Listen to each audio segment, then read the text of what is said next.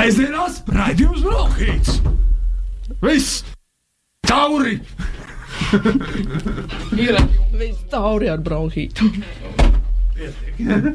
Tāpatās no manis nekas jēdzīgs nesanāca šodien.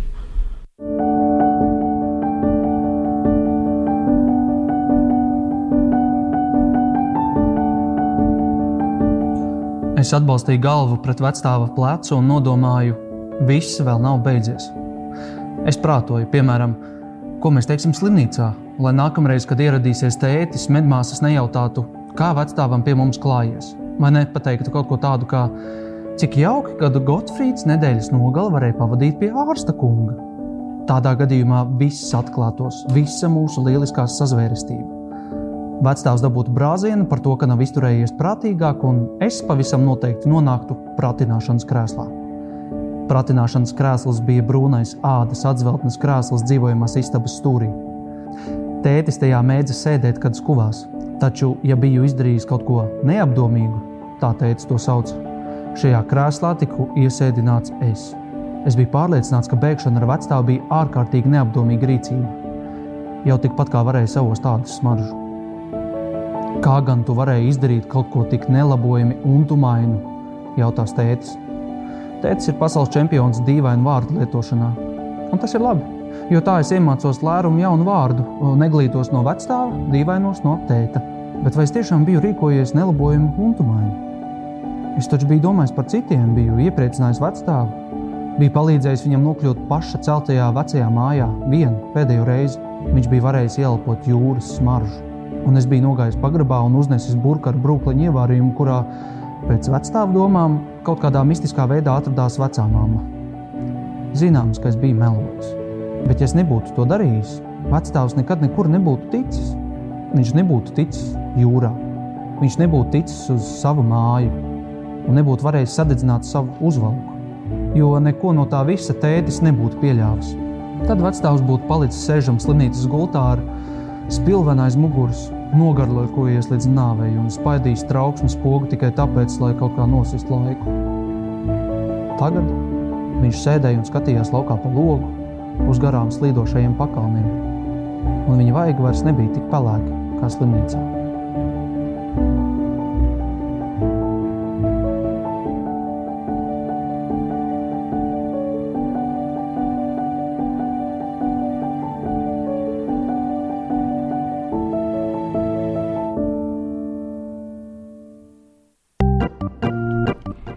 Esiet sveicināti, radio un abu klausītāji. Šis ir literatūras rādījums Bronhīts, un ar jums kopā šodien būšu es, Signe Viška. Lauris uh, tagad ir uh, nelielā brīvdienā, un uh, tāpēc uh, studijā saimniekoju vienu šodien, un uh, arī mums šodienas viesiņa viesojas attālināti.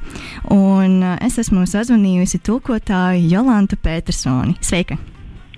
Čau! Jā, super, te var dzirdēt, viss ir kārtībā.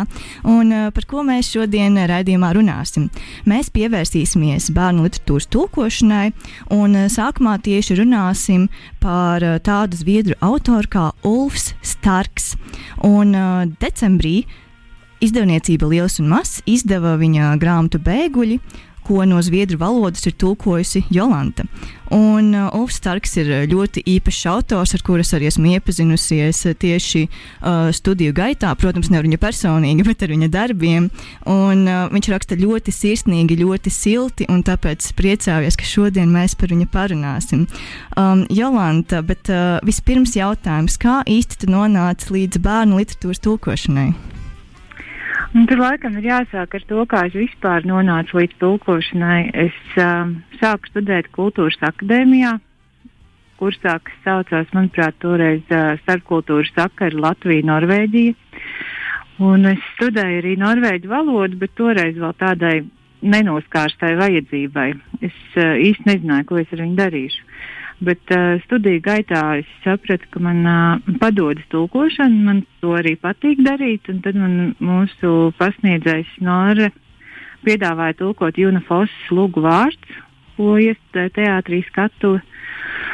Tad pēc tam es iztulkoju vēl tādu biogrāfisku romānu par uh, Ibsenu no zviedru valodas. Un tad es es neatceros, kurā gadā tas bija, bet um, zinu, ka likvidēja tādu svešvalodu bibliotēku. Un uh, Snori mūs pasauca, tur uh, met ārā grāmatas. Un tad es grīdis atradu tādu diezgan skaistu grāmatu. Saucās Kurt Klovadis, autors Erlēns Lūks. Un Snori, kurš bija lasījis to grāmatu, viņš sāka, sāka tā, tā ir, to es gribu, tā ir tik forša. Un tad es teicu, nē, es viņu atradu, tā būs mana. un tad es viņu izlasīju, un man tik ļoti patika. Es, man liekas, visiem draugiem uzmācos tajā laikā ar šo grāmatu.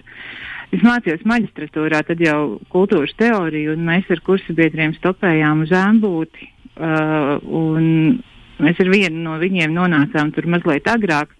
Mēs kaut kādas pāris stundas stāvējām uz upes, uz tilta un plāpājām. Man liekas, kas pārstāstīja visu šo grāmatu. Un uh, tad es īsti nezināju, kam man viņu piedāvāt. Un, uh, es piedāvāju Atēnai, viņi pieklājīgi atteicās, ka viņi neizdod bērnu grāmatas. Uh, un tad bija nesen nodibināts arī liels un mazs, bet man bija ļoti bail rakstīt Zandarei, es, es tolaik es lasīju iekšķiņu nāriņus, viņš taipīja visur līdzi, gan uz, uz mācībām, gan uz bāriem. Un tad es iepazinos ar, ar Reinu Petersonu, kurš savukārt man iepazīstināja ar Inesu Zanderu, tad es Zanderei piedāvāju šo kurtu grāmatu, un tad viņi izlasīja un teica, nu, aiziet tulko. Mēs izdosim. Un tā tas sākās. Tas ir ļoti jauks stāsts, un uh, es atceros, ka tu arī par to arī mazliet vairāk pastāstīji intervijā punktam, uh, kad tu sarunājies ar uh, Anati Konsti. Un, uh, Kā tad uh, īsti tu nonāci tieši līdz Ulfam Starkam? Varbūt tu atceries, kāda bija pirmā sastapšanās ar viņa literatūru? Pirmā sastapšanās uh, literatūrā bija pirms desmit gadiem. Jo 2011. gadā Liels un Mazs uh, izdeva viņa darbu um, Mans draugs Pērsīs, Buffalo Bills un es, un uh, Reinis to ilustrēja. Un, uh, līdz ar to es izlasīju šo grāmatu. Jā, tā bija pirmā tikšanās. Un vai uzreiz tev bija kaut kāda sajūta, ka šis autors ir īpašs, vai arī tad vēl nebija tādas? Man uzreiz bija tā sajūta. Man ārkārtīgi patika šī grāmata. Viņa atgādina tādas um, sālsvārnas, sāls vasarnieks vai kaut nu, tādu mm. ļoti laimīgu, um, tādu agrīno pusauģu gadu vasaru. Un tad es uh, uzreiz, protams, sāku meklēt, vai latviešu ir vēl kaut kas, un tad es atradu aušas un mīlas, kas bija jau kaut kad 2000. gada sākumā izdota, bet ko es nebiju pamanījusi. Tad es izlasīju to, Un pēc tam jau es esmu lasījis visu, kas ir uh, iznācis latviešu. Tas ir uh, protams, vilpot Juhana un uh, arī uh, dzējoļu krājums, uh, diktators un zvēri, kurus neviens nav redzējis. Un tad es esmu vēl lasījusi arī vienu grāmatu zviedriski, kas ir uh, saucās um, grāmatiņa par mīlestību. Hmm. Bet, nu jā. Uzstarks ir uh, sarakstījis ļoti daudz grāmatu, viņam ir vairāk kā 50 grāmatas. Viņš sācis, man liekas, ka to es, es paskatījos mazliet uh, informāciju internetā. Un es atradu, ka viņš to savu pirmo dzējoļu grāmatu ir uh, publicējis jau tad, kad viņam bija 19 gadi. Wow, tas un ir diezgan iespaidīgi. Tas ir ļoti iespaidīgi. Tas bija 64. gads. Un pirmo bērnu grā, grāmatu bērniem viņš sarakstīja apmēram desmit gadus vēlāk.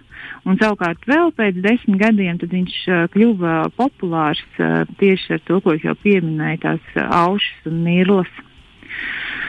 Un tad pēc tam viņš ir rakstījis ļoti daudz bērniem, un ļoti gribētos izlasīt arī vēl, piemēram, par to pašu Persiju un Ufi, tas ir tāds, tāds, tāds biogrāfiska, nu, pusbiogrāfiska triloģija. Un es gribētu arī ļoti tās pārējās grāmatas izlasīt.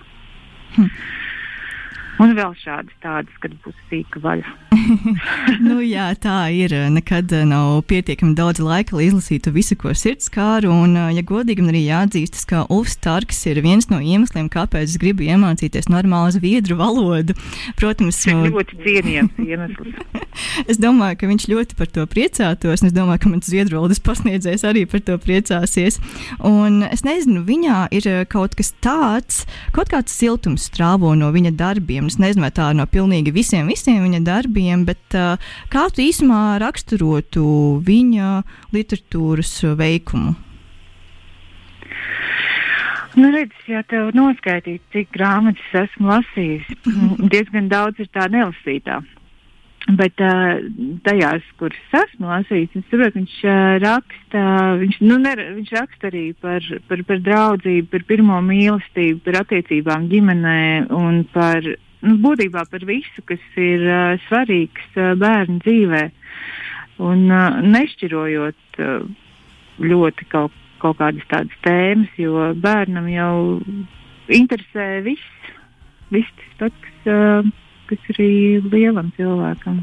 Nu, labi, varbūt ne gluži viss. Lielās lietas. Jā. Un... Jā, tas, ka viņš, prot, viņš par to raksta, kā teica, ļoti silti un arī ar, ar tādu lielu nu, brīnišķīgu humoru izjūtu, kas vispār man ārkārtīgi uh, patīk, jebkurā rakstniekā. Jā, man liekas, ka zviedru literatūrā vispār tas ir diezgan raksturīgi. Pirmais, kas man nāk prātā, ir arī Frēdriks Bakmans, kuram ir uh, daudz arī grāmatu, bet latviešu valodā, piemēram, ir tulkota vīrs vārdā Uve, un tas man arī kaut kā saistās mazliet ar Ulfu Starku. Tur negluži nav, tur nav vecstāvs, bet liekas, ka viņš ir tāds nerealizējies vecstāvs, kurš bišķīt īgns, un tad beigās īstenībā izrādās, ka viņš ir ļoti sirsnīgs un jauks cilvēks. Nu, tā jau ar tiem īknējiem ir. Jā. Un tad uh, pievērsīsimies uh, varbūt uh, tieši bēguļiem. Kā tu īsumā raksturotu šo darbu, par ko tas īsti ir? Nu, visvairāk laikam tas ir par, par tām attiecībām starp vecstāvu un mazdēlu. Ir skaidrs, ka viņas ir veidojušās visu šī mazdēla mūža garumā. Bet tas nav tikai par to, tas ir arī par attiecībām starp šo vecstāvu un, un, un viņa nu, jau mirušo sievu. Tad par to, cik ļoti vecstāvs ir ilgojies pēc mīlestības, viņš to ir saņēmis mazliet mazāk nekā, nekā viņš būtu gribējis. Tad tas varbūt arī ir iespaidojis to, kāds viņš ir. Un tas tā ir arī par, um, par, par, par šī vecāta attiecībām ar viņa dēlu, un arī par, um, nu, kur arī ir ļoti daudz, kas ir uh, neizrunāts, un varbūt ir kaut kas pārprasts. Un, bet grāmatas gaitā tomēr atklājas, ka viņi viens otru saprot labāk nekā, nekā varbūt viens par otru ir iedomājies. Un, um, Un tad, man liekas, ir ļoti būtiski arī tās um, mazā puikas attiecības ar, ar viņa tēvu. Uh, cik tas ir uh, reizēm sāpīgi bērnam saprast, ka, ka vecāki, par kuriem tev ir licies, ka viņi taču ir lieli, viņi ir pieaugušie, viņi visu zina, viņi visu dara labi, viņi, un, un saprast, ka, ka ir kaut kādas lietas, tomēr, ko viņi nedara varbūt īsti tā kā vajadzētu. Piemēram, tas tēvs, viņš, viņš izvairās apciemot vecstāvu slimnīcā. Un tur nav skaidri pateikts tas iemesls, bet uh, nu, ir skaidrs, ka viņam, viņam arī ir grūti skatīties, tas laikam bija pateikt, viņam ir grūti skatīties to savu veco, slimo, mirstošo tēvu, un, un tāpēc viņš, izvēl, viņš izvēlās nebraukt. Un, un savukārt puikam liekas, ka tas nav pareizi, un tad viņš izdomā, ka viņš var melot vecākiem, lai tikai nokļūtu pie tā vecāta. Tāda arī mazliet tāda izaugšana no, no, no, no tāda pavisam pakļāvīgu bērnu līdz tādam, kurš uh, spēj izdomāt, uh, kā risināt kaut kādas situācijas, kas viņam ir svarīgas. Jā, tas man liekas ļoti jauki, ka uh, Gotfrīds tā viņu sauc, vai ne? To puiku tas. Uh... Jā, es, es, es, es, es pat nevaru saprast, vai viņa gadījumā tomēr nebija arī Ulfs. Nu, tā, tāpat kā Persijā, jo ļoti līdzīgi tie zēni ir. Un arī pašam Starkam ir, nu, tas viņa otrais vārds arī ir Gotfrīds. Viņš ir Ulfs, Gotfrīds Starks. Mhm. Bet, jā, maz, mazais Gotfrīds. Jā. jā, mazais Gotfrīds. Tas ļoti piemīlīgi skan. Un, man liekas, ka tas arī ir ļoti svarīgi, ka viņš grāmatā netiek attēlots kā tikai tas paklausīgais puika, kurš bez ierunām klausa vecākiem, bet ka viņš pats pieņem izvēles. Un, uh, tas ir ļoti, ļoti būtiski. Un, uh, es lasot, iedomājos par to, vai uh, paši bērni lasot uh, šo grāmatu, tagad neiedomāsies uh, sākt uh, doties tādos līdzīgos piedzīvojumos un arī mazliet sameloties uh, vecākiem. Nu, to jau nevar zināt, ko tie bērni iedomājas. Viņi visu kaut ko izdomā arī bez grāmatu lasīšanas, bet uh, man liekas, ka šeit ir arī ļoti būtisks tas aspekts par uh, melošanu, ko tu pieminēji ir šī samalošanās, bet tad ir tas brīdis, kad tam mazajam Gotfrīdam viņam uznāk tādas pašas dusmas, kādas mēdz uznākt vectēvam. Viņš, viņš ir dusmīgs, viņš pasaka visu patiesību, viņš ir dusmīgs par to, ka, ir, ka viņš ir bijis spiests melot. Es domāju, ka tām dusmām vēl pamatā ir kaut kā tās, protams, arī skumjas par to vectēvu aiziešanu drīz. Un, un ka viņš, viņš ņem un izstāsta vecākiem visu, kā ir patiesībā. Un, un tad man liekas, diezgan arī ir komiski tas, ka tās nenotic. Un tad uh, tas bērns beigās ir spiests atkal samaloties, lai tēvam liktos, ka viņš runā patiesību. Hm, jā, tas man atgādina arī um, vienu epizodi no Annas no zaļajiem jumtiem, uh, kad uh, mazā adaptētā Anna ir spiesta samalot, ka viņa paņēma uh, savas auģimātes Marillas brošu, kaut gan tā nebija, un tad viņai arī tā kā piespiedu kārtā lika samalot. Un, uh, jā, tas... jā, viņai lika samaloties, bet arī atceros, uh, cik, cik tā auģimāte, cik viņa bija. Uh, Kad viņa atrada to brošu, kas bija kaut kur ieķērusies vai aizkritusi, tad neatceros, ka viņa, viņa gāja, viņa atzina, viņa atvainojās, viņa atzina, ka viņai nav bijis taisnība. Un, un tas, man liekas, arī ir svarīgi ļoti. Jā, viennozīmīgi. Un, uh, Diezgan populāra tēma bērnu literatūrā, nu vispār ir mazbērnu vecāku attiecības. Un pirmais, kas nāk prātā, ir arī jau pieminētā autora Bakmana uh, romāns Omca sūtas veicienus un atvainojas, un tad vēl, protams, paša Stārka protas vilpot Johanna. Un uh, arī pašmāju autora Laura Gundara sērija par uh, Vali un Spindzeli. Un vēl ir ļoti daudz darba, kurās ir attēlotas uh, šādas mazbērnu vecāku attiecības. Uh, kāpēc tev šķiet tā ir tik interesanta un saistoša tēma? Nu, Šādas attiecības diezgan bieži sastopamas. ir vecāki un ir, ir vecvecāki un ir mazbērni. Tā, tagad, nu, kopš spēta esmu māma, es domāju par to, kā tas ir, ka, ka tomēr ka ļoti atšķirās tā attiecība dinamika, kāda ir bērnam ar saviem vecākiem un kāda viņam ir ar vecvecākiem. Tāpēc, ka, manuprāt, ka vecvecākiem viņiem ir. Um, viņi var būt mazliet brīvāki attiecībās ar mazbērniem, jo viņiem nav jāveic šī audzināšanas funkcija, nu, ja viņi paši to neizvēlas. Jo viņi ir, nu, viņi ir uzauguši jau savus bērnus, un tad, uh, tad tos mazbērnus viņi var vairāk uh, lutināt vai kaut kādā pievērsties kaut, kādām, kaut kādiem dažiem aspektiem, kaut kā Es nezinu, varbūt tā jau vec, vecākiem ir, nu, vecāki jau lielākoties ir kopā ar to bērnu ļoti daudz, un viņiem ir uh, jānoklāj viss spektrs. Viņi ir gan, gan audzinātāji, gan ēdinātāji, gan, uh, gan viss pārējais.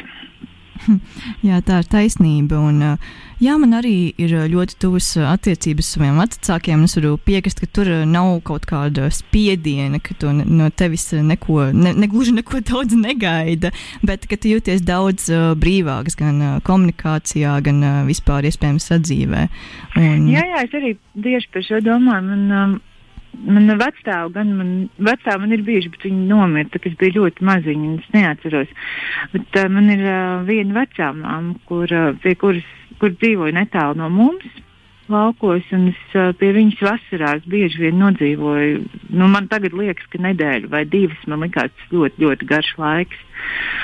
Un uh, es kaut kā to atceros kā tiešām tādu brīvības laiku jo es drīkstēju no rīta skatīties televizoru. Vai, Es nezinu, ja man grib, sagribējās maizi ar sviestu, zinu, ka to var iet un, un, un ņemt. Un mājās, man liekas, mums bija vairāk strukturētas tās ēdienreizes. Jā, un pirms pusdienām var ēst končus un tā tālāk. Un tad jā, jā, visu, bet arī runāt par visu kaut kādām lietām, kuras, nezinu, par, jā, grūti formulēt. Jā, un tā ir pilnīgi taisnība. Un jautājums, vai arī tavi bērni ir lasījuši bēguļus? Mm, bēguļus man šķiet, ka viņi vēl nav izlasījuši. Bet viņi vispār lasa tavus tulkojumus? Jā, jā, lasa. Kādas nu, ir liel, lielais bērns ir izlasījis. Man liekas, ka visu, varbūt viņš arī bēguļus ir izlasījis. Es, es eh, reizēm nespēju izsakot tam visam. Bet es eh, šorīt arī ļoti nopriecājos ieraudzīt, ka viņš ienāca istabā ar vafeļu sirdīm rokā. Mm. Tas ir tik jauki, kad bērni lasa. Noteikti ir tāda jauka gandrījuma sajūta. Mm -hmm. Tā ir. un es domāju, ka dosimies varbūt pirmajā muzikālajā pauzē. Un uh, Jolanta nenoliedz klausulis, tūlīt ar tevi parunāšu arī mm. muzikālās pauzes laikā. Un esmu sagatavojusi dziesmu, kuras latviskais nosaukums ir Protis Vilpot Johanna, uh, kas arī ir uh, viens no Ulfa Starka darbiem. Un tad tūlīt būsim atpakaļ studijā. Sēdzienās raidījums Brokhīts! Un esam atpakaļ rādījumā, studijā un turpinām sarunu ar uh, tulkotāju Jolantu Petersoni. Un mēs uh, runājam par bērnu literatūras tulkošanu un zviedru autoru Ulfu Starku. Un uh, tikko muzikālās uh, pauzes laikā uh, mēs sapratām, nu, es iepriekš teicu, ka es esmu satikusi Ulfu Starku studiju laikā, un to es domāju tā kā metaforiski, ka esmu viņu satikusi caur viņa darbiem. Un izrādās Jolanta viņa satikusi tiešām arī dzīvē. Uh, vai tu vari mazliet pastāstīt par šo jauko īso tikšanos? Tikšanās? Nu, šī tikšanās tiešām bija ļoti īsa. Tas bija 2012. gadā. Viņš bija atbraucis uh, uz Rīgas grāmatu svētkiem sakarā ar uh, grāmatas izdošanu. Un, uh, Un tad es uh, gāju ar viņu iepazīties un uh, teicu, tā un tā, mans vīrs ir ilustrējis jūsu grāmatu, un vai es varētu palūgt autogrāfu. Un viņš bija, viņš bija tik priecīgs, un, un tik, uh, viņš, viņš teica, ka viņam šīs ilustrācijas tik ļoti patīk. Un es, protams, biju jutos ļoti lepna, un viņš uh, ierakstīja Reinim grāmatā novēlējumu, un, un, un tur bija rakstīts arī, ka Buffalo Bills uh, debesīs tagad smaida, jo, nu, tā grāmatā šis vectās, kas ir Buffalo Bills, viņš uh, arī nomirst. Un tad, kad es uh, tulkoju bēguļus, nu, kā zināms, Ulfs, tā, tā ir Ulfs Starka pēdējā grāmata, viņš uh, pirms kādiem trim, četriem gadiem nomira. Un, uh, un tad es laiku pa laikam iztēlojos, ka, ka varbūt arī Ulfs Starks uh, debesīs smaida. Skatoties uz to. Jā, tā noteikti ir. Man pilnīgi baltā skaudība, ka man nav bijis iespējas viņu satikt, bet uh, vismaz ir palikuši viņa darbi, un uh, tas arī ir ļoti, ļoti daudz. Jā, bet es jau arī ieteicos par to, par to vienu fotografiju, kas man ir ļoti mīļa, ko es uh, pilnīgi nejauši uzgāju internetā kaut kad, uh, kur ir. Uh, kas ir uzņemta 1993. gadā, un tur ir uh, Ulfs Starks, kurš saskandina ar Astrīdu Lingrēnu. Tur gan es skatos, kā tajā kompānijā gan būtu gribējies pabūt. Jā, man liekas, šis ir tas gadījums, kad eh, ne tikai šie darbi, ko šie autori rakstījuši, ir ļoti forši un silti, bet arī viņi kā personības noteikti ir. Jā, jo te, tas, ko es atceros no tās uh, reizes grāmatu izstādē, viņš, protams, runāja par uh, saviem darbiem, un viņš bija humora pilns un aizrautīgs un ļoti, ļoti, ļoti tāds. Uh, jā, patīkams cilvēks. Kaut gan es esmu dzirdējis arī, ka nu, nu, viņš pats ir intervijās stāstījis, ka viņam piemīt arī šī uh, vecstāva nīgrā puse. Man liekas, mums katram tāda ir. jā, jā, tas ir pat kaut kā tā atvieglojoši saprast, ka ir, ir arī viņiem ir. nu, jā, un šķiet, ka ne tikai zviedru detektīva, bet arī zviedru un vispār skandināvu bērnu literatūra pasaulē ieņēmusi nu, diezgan nozīmīgu vietu vietu. Un nerunājot tikai par Lingrēnas neskaitāmiem izciliem darbiem, bet arī tieši par mūsdienu autoriem un salīdzinoši nesen iznākušām grāmatām. Un, kā tu raksturotu zviedru un norvēģu literatūru? Vai tās savā starpā arī kaut kā būtiski atšķiras, vai arī tie temati, par kuriem autori raksta, ir salīdzinoši līdzīgi? No, es neesmu lasījis tik daudz, lai varētu tā drošticam salīdzināt. Nu, no tavas pieredzes, protams. No manas pieredzes, nu, nav tā, ka kaut kas ļoti, ļoti atšķirtos. Nav, nu, tur uh, varbūt ir, runājot par bērnu literatūru, varbūt ir vairāk kaut, kaut kas, kas ir tieši tur, tā dabas noteikts, ka ir zvied, zviedru literatūrā biežāk parādās šīs salas mājiņas uz salām, un, un tad Norvēģiem vairāk ir kalni un fjordi. Hmm. Bet uh, tēmas un kaut kā tas veids, kā viņi par to raksta, manuprāt, ir uh, diezgan līdzīgs.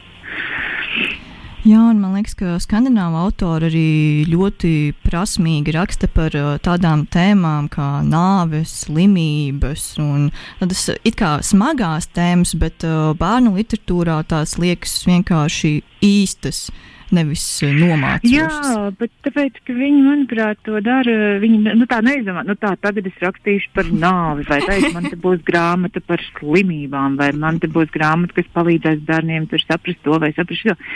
Ja viņi vienkārši rakstot, ka tas ir kaut kā ievijās tajā stāstā ļoti mm, it kā ikdienišķi, bet. Um, Nu, tā skaidrs, ka viņi raksta par, par, par to kā par dzīves sastāvdaļu, nevis kā par kādu.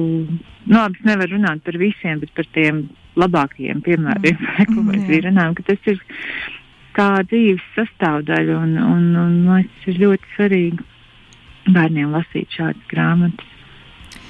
Jā, un uh, runājot uh, tieši par tādām nopietnākām tēmām, kad un kā vispār stāstīt uh, bērnam par nāvi. Man šādas pieredzes vēl nav bijis, tāpēc man ir ļoti interesanti. Nu, Bērnam par naudu pirmkārt, kad, kad, jautājums, kad viņam sākt par to stāstīt? Nu, tajā brīdī, kad viņš jautā, un jautā jau viņi diezgan agri. Un tad, um, tad, tad, ja nav, nu, cerams, ka nav bijusi ģimenē šāda pieredze, tad, uh, tad ir ļoti labi, ka, var, um, ka, ka tieši šīs grāmatas, pie kurām var uh, vērsties un, un kur uh, ir šī tēma apskatīt un kuru tad uh, lasīš, lasot var apspriest. Piemēram, ir arī tāda Dats Meijers tulkot um, itāļu grāmata. Mans vecāks bija ķiršu koks O, jā, jā, tā ir brīnišķīga.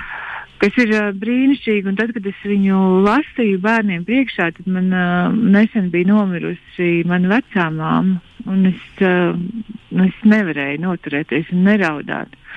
Un tad uh, meita, kas bija vēl pavisam maziņa, viņa teica, māma, kas tev ir, kas tev ir, nerauda, lūdzu. Un tad un tas puika, kas ir trīs gadus vecāks, viņš teica, bet tu saproti, ka māma jau raud tāpēc, ka viņa skumst pēc savas vecās māmas tāpat kā šeit, šī, šīs grāmatas varonis skums pēc savu vecstāvu.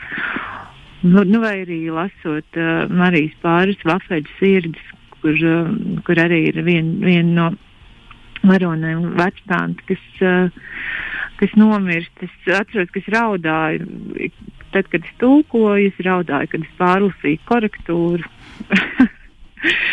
tā, bet tā, tā, nu, Jā, tā ir ļoti, ļoti labs veids, kā runāt ar bērnu gan par nāvi, gan par sērām, gan par to, kas, kas ir svarīgi cilvēku dzīvē un kas uh, saglabājas vēl pēc uh, viņa nāves. Jā, un tad, kad te uzaicināju uz raidījumu, es pieminējos par to, ka esmu lasījusi arī bēguļus zviedru valodā pirms vairākiem gadiem. Tu teici, ka tas ir ļoti interesanti, un ka tev arī likās interesanti, kā es tagad uztveršu tulkojumu. Es jau latviešu valodā Mhm. to nebiju lasījusi. Man jāsaka, ka šoreiz pat trāpīja krietni spēcīgāk, un es vēl vakar ā, lasīju grāmatu, un es šausmīgi raudāju. Man vienkārši kaut kādas slūžas atsprāga vaļā. Mhm. Un, uh, Tas, protams, arī ir uh, saistīts ar to, ka šajā laikā es arī esmu pagūsi zaudēt savu vecstāvu, un tad uzreiz uh, citādāk tu sāc uztvert Jā, šādas darbus. Citādāk lasu šādu veidu grāmatas, protams.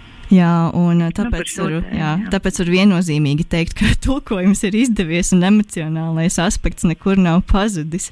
Un, Jā, uh, prieks to dzirdēt. Un uh, tad arī uzreiz jautājums, cik viegli vai grūti vispār ir distancēt sevi no šāda tulkojumā materiāla, ja tas ir tik ļoti sirsnīgs un emocionāls un izraisa tādu pārdzīvojumu. Un vai nav tā, ka tulkošanas gaitā tu paliec tā nejūtīgi pret stāstu, un vai šīs emocijas atgriežas, kad tulkojums ir pabeigts? Uh, es uh, nepalieku nejūtīgi pret stāstu.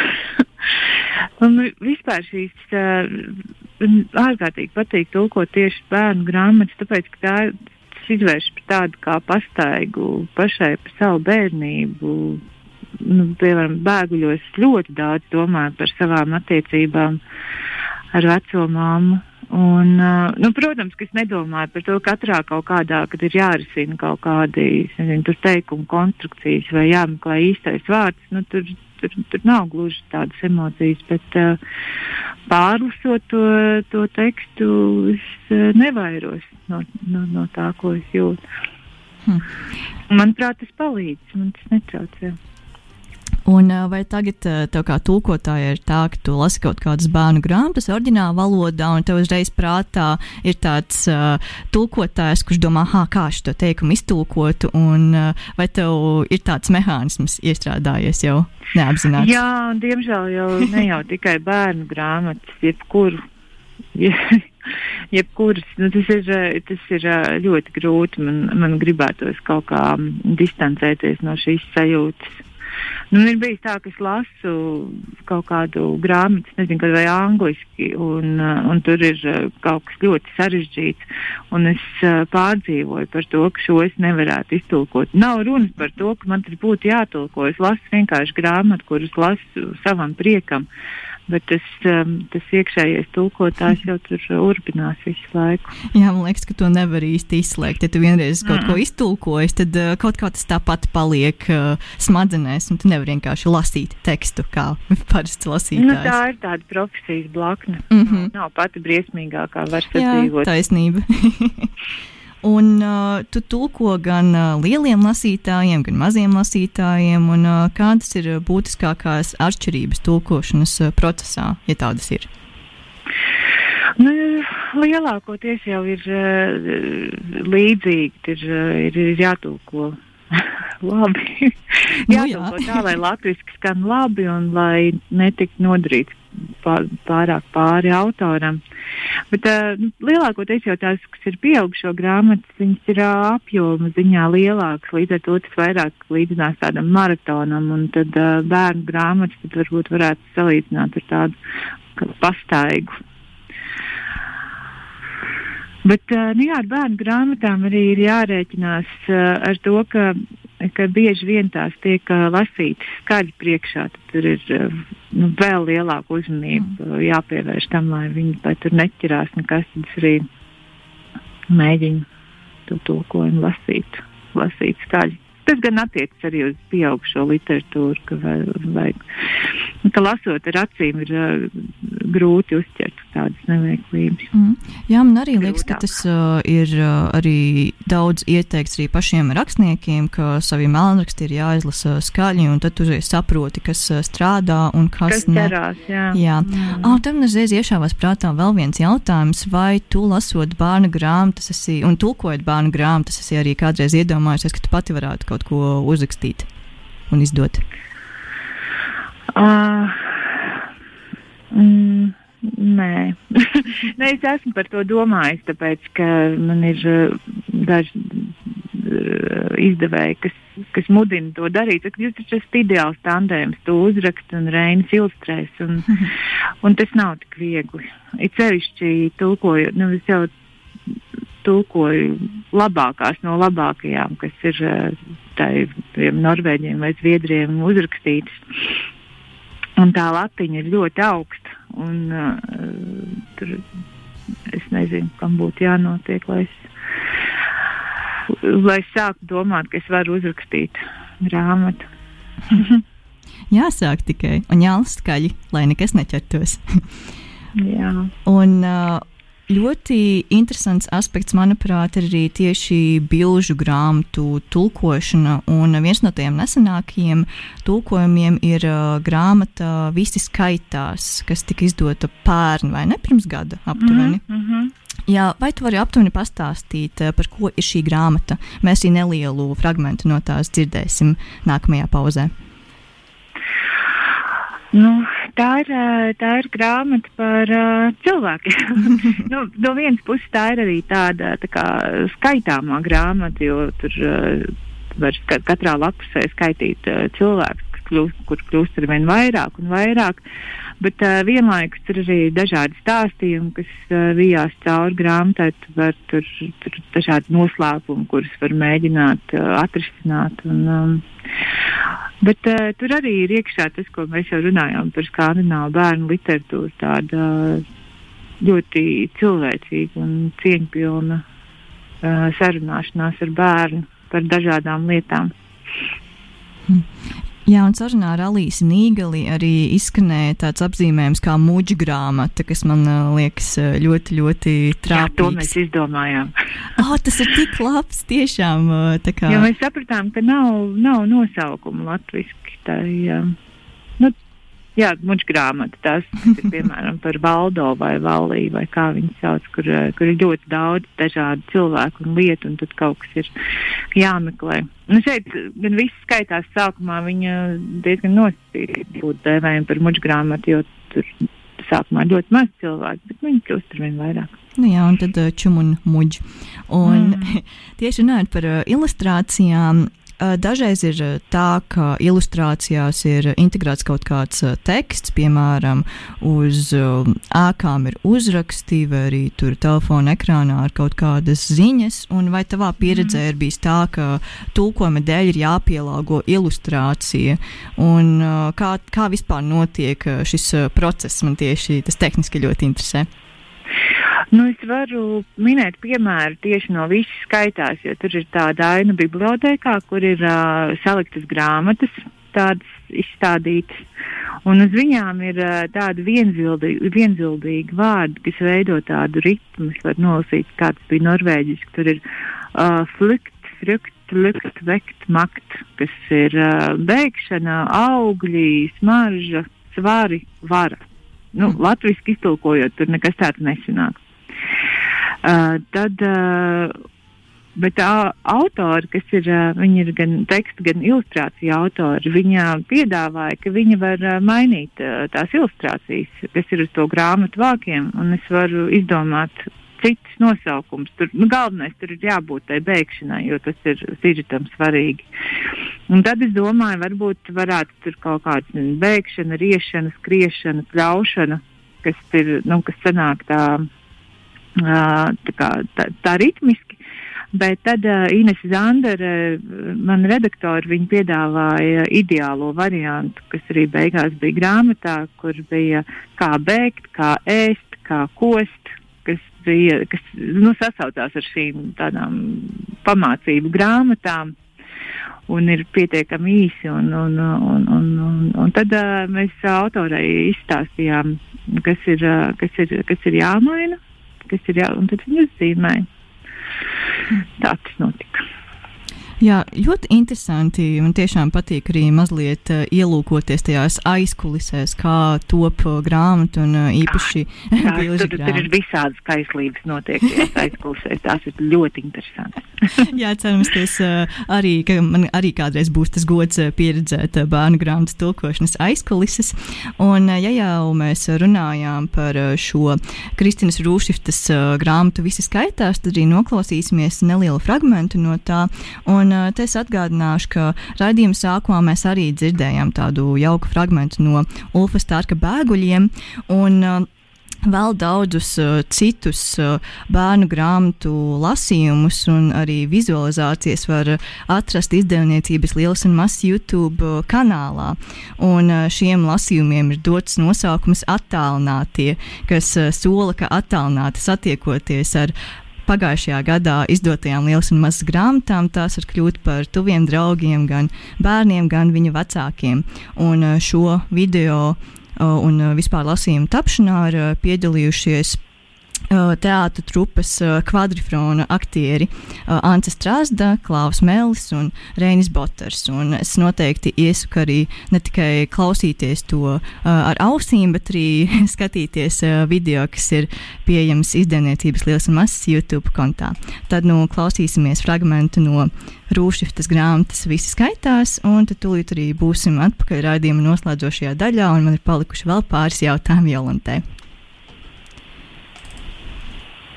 22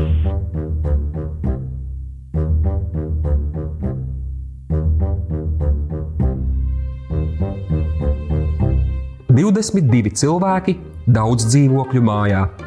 Divi no viņiem pārkāpuši likumu, viens strādā cietumā, vienam piemīt krāšanas mānija, viens nav izgājis no dzīvokļa astoņus gadus.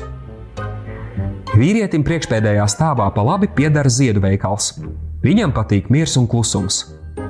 Sievietei, kura gaida bērnu, vēders kļuvis pavisam liels, un viņa ir nogurusi. Blakus dzīvoklī dzīvo trompetists. Reiz viņam bija jābrauc pie dežūrārsta.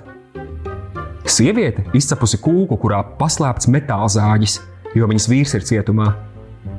Zēns trenējas stāvēt uz rokām, viņš grib pārsteigt savu tēti. Stāvu zemāk dzīvo Tomasa tante, kas cieš no krāšanas mānijas, tāpēc viņai ir pārāk daudz spilvenu.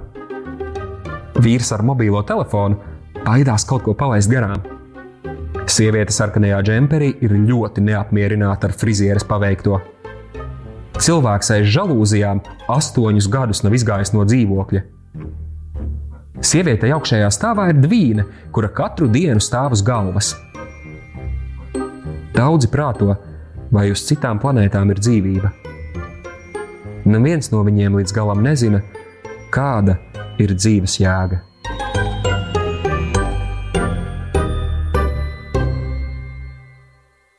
Sēžamās raidījums Brokhīts!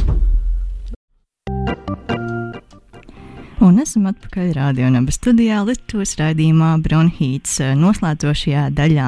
Un eh, mēs turpinām sarunu ar tulkotāju Jolantu Petersoni, kas visu šo stundu ir eh, pie telefona aparāta un runājas ar mums. Un, Jā, man ir palikuši daži pēdējie jautājumi, kas gan drīzāk ir tādi vispārīgi, un mēs jau iepriekš ierunājāmies par to, ka, ja būtu, nu, ka nav gan daudz laika, lai izlasītu visu, ko gribētos, bet, ja tev būtu ļoti, ļoti, ļoti daudz laika, kas būtu pirmā grāmata, pie kuras lasīšanas un pie kuras tulkošanas tu ķertos? Par uh, lasāmo grāmatu man ir uh, grūti atbildēt, jo man ir uh, vesels plaukts ar grāmatām, kuras man gribētos uh, šogad izlasīt. Viņas ņēmu un saliku. Un uh, laiku pa laikam jau es arī kaut ko lasu, bet uh, jā, tieši konkrētu grāmatu man ir uh, grūti nosaukt. Man ir uh, visjaunākie uh, maimas Grīnbergs un Dārtas Mējers tulkojumi, kas stāv rindā. Obligātā literatūra katram Obligātā lasītājam. Jā, jā, jā. Nu, un arī es jau, liekas, esmu to teikusi, ka tas arī ir tāds uh, instruments, kā, nu, kā, kā es varu turēt to latviešu valodu kaut kādā līmenī.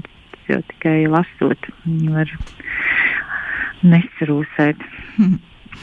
un, uh, bet par, par tulkojumu grāmatu man ļoti gribētos iztulkot Erlenam Lū.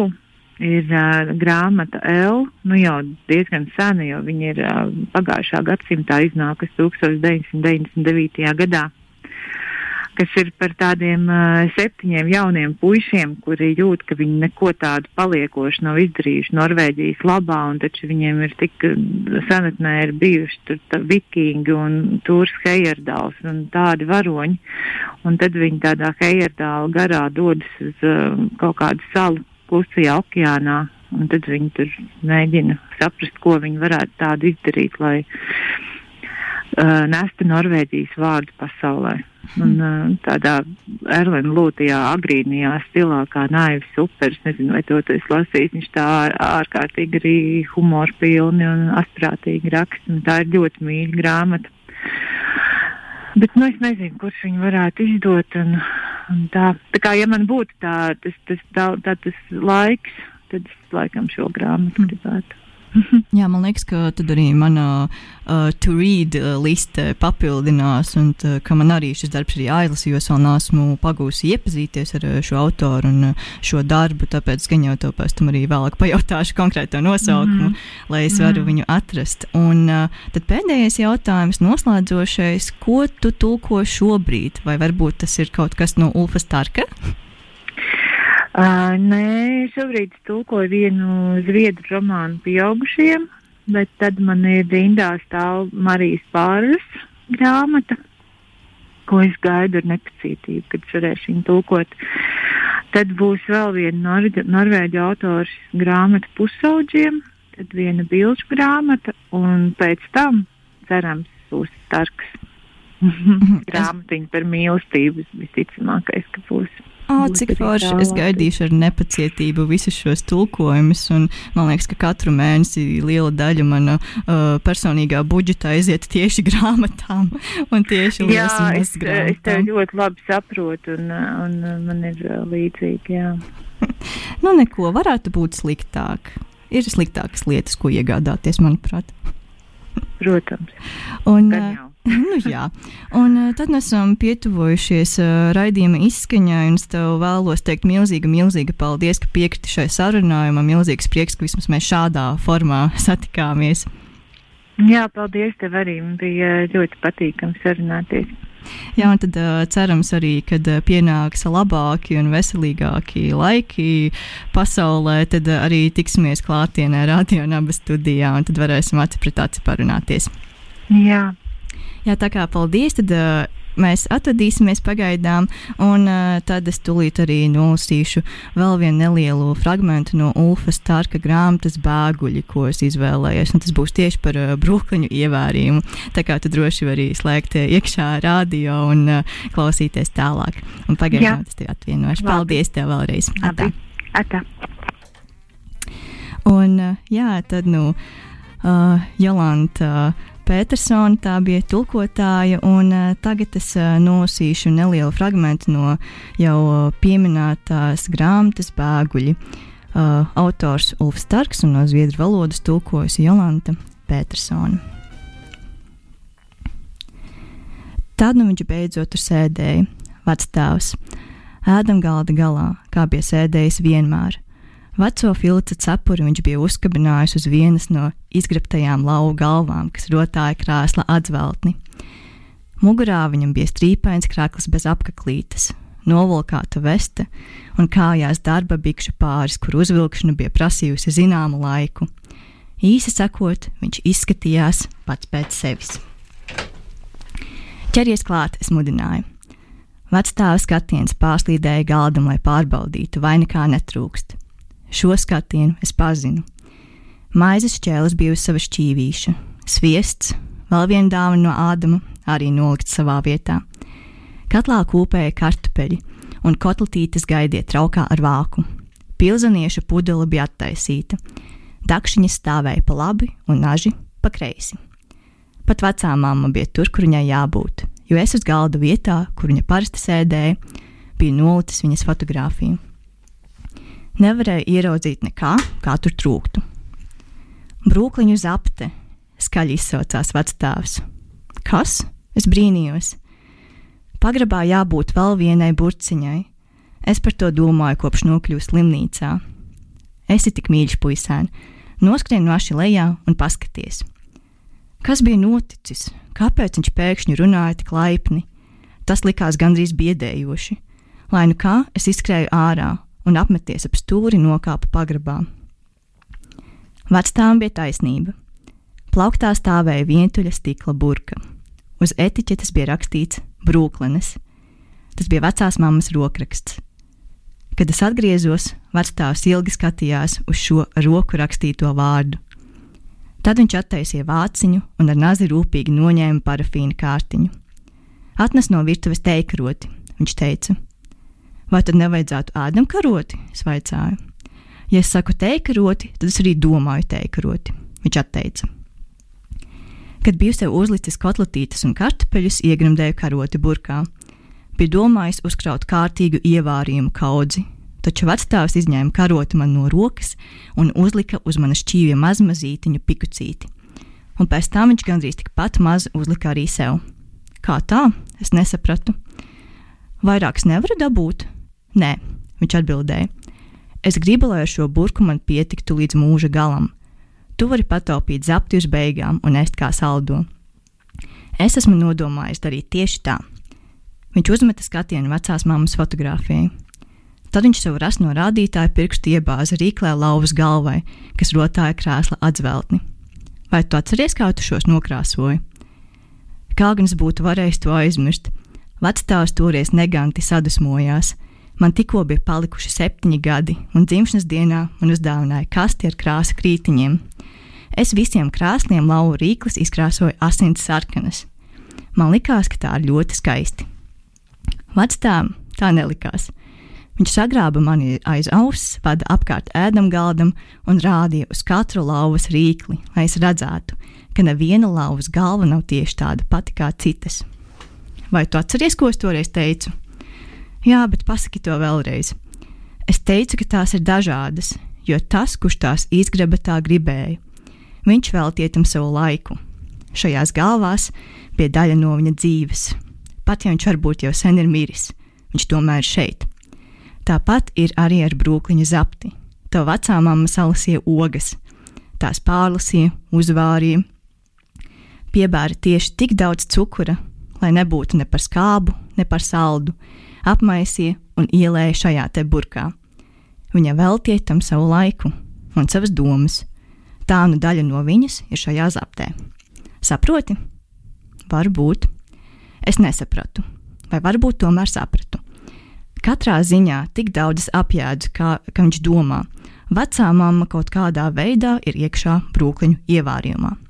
Es nespēju noturēties, nepasmaidījis. Par ko tu tur smīni? Par to, ka visu šo laiku, kamēr runāja par zapti, tu nereizi nenolamājies. Tad nu gan pie vectēvs teica, un tad viņš nolamājās. Pēc ēšanas viņš apsēdās vecās mammas krēslā, Tas bija krāsls pie loga, kurā viņa mēdza sēdēt un skatīties uz jūru.